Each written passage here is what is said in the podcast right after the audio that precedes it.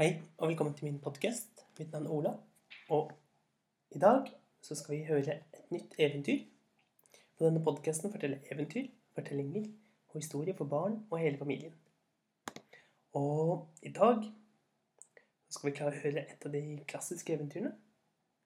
Vi skal høre eventyret om eh, den syvende far i huset. Det var en gang en mann som var ute og reiste. Han hadde gått langt og lenger enn langt. Og når kvelden kom på, så så han en liten hytte. Og når han kom nærmere, så så han at utenfor hytten, der sto det en mann og hugget ved.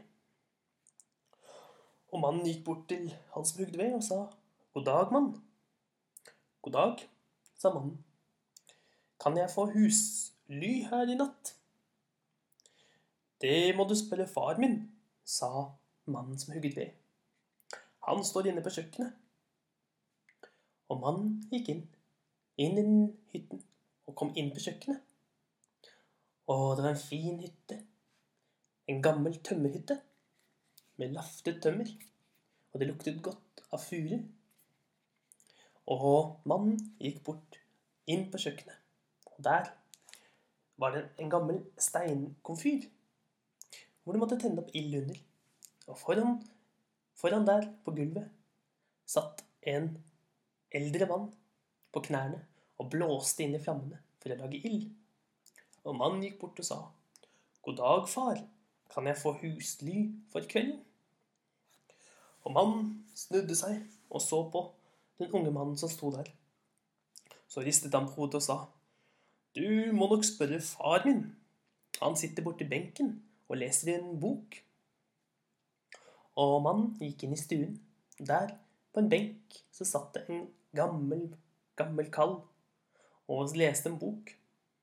Han hadde fått hvitt hår og mange rynker i pannen og nedover huden. Og mannen gikk bort til han og ventet tålmodig til mannen skulle bla. Da sa han, 'God dag, far. Kan jeg få husly her i, i natt?'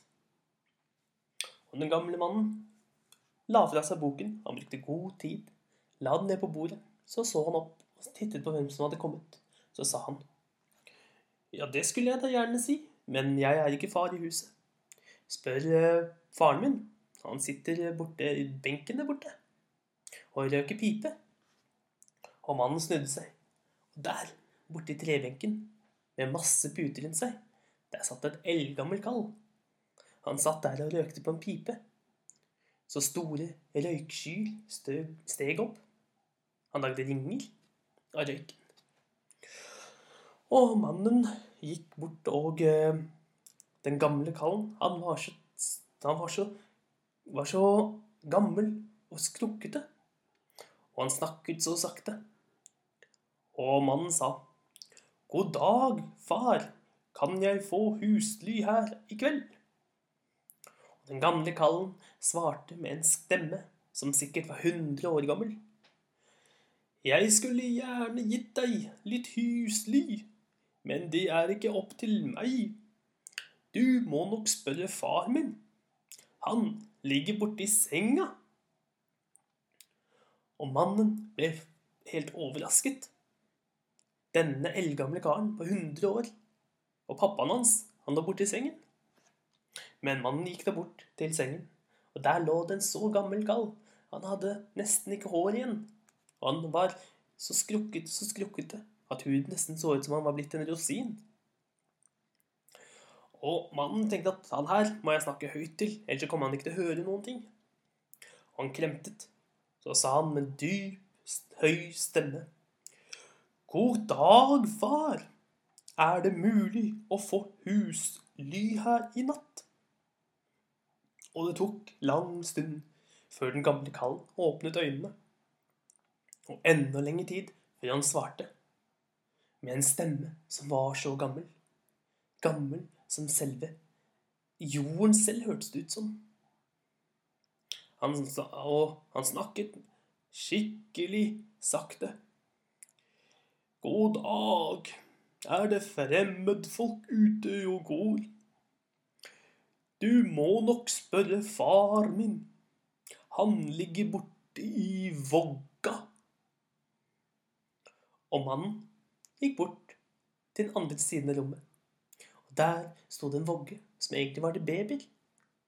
Og nedi voggen, der lå det en eldgammel kall. Han var så gammel. Så eldgammel. Sikkert 150 år gammel. Og han var så skrukkete og liten at han passet nedi babysengen. Og mannen sa med en høy, klar stemme God dag, far. Mannen reagerte ikke. Han snakket litt høyere og sa God dag, far. Ennå ingen, ingen respons. Så mannen ropte så høyt han kunne. God dag, far. Og mannen nedi vågen, han begynte å bevege på seg. Helt, helt sakte. Så strakk han seg etter et høreapparat som lå i nærheten. Og han festet den omhyggelig til øret sitt som en stor trakt som stakk ut av øret. Og så åpnet han øynene og så på fremmedkaren med øyne som var nesten helt lukket. Og mannen snakket inn i høreapparatet. God kveld, far. Jeg har lang, reist langt.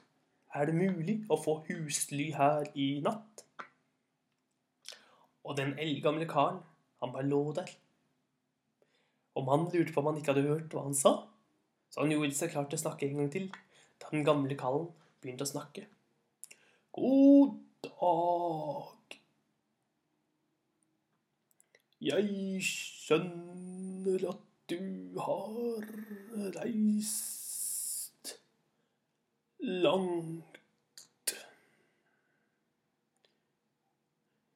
Vil du Så falt han i søvn og begynte å sove og han måtte vekke han. Om Hø! Hvem er du? Å ja, sånn var det. Du får nok heller spørre far min, sa den eldgamle karen. Han henger oppe på veggen.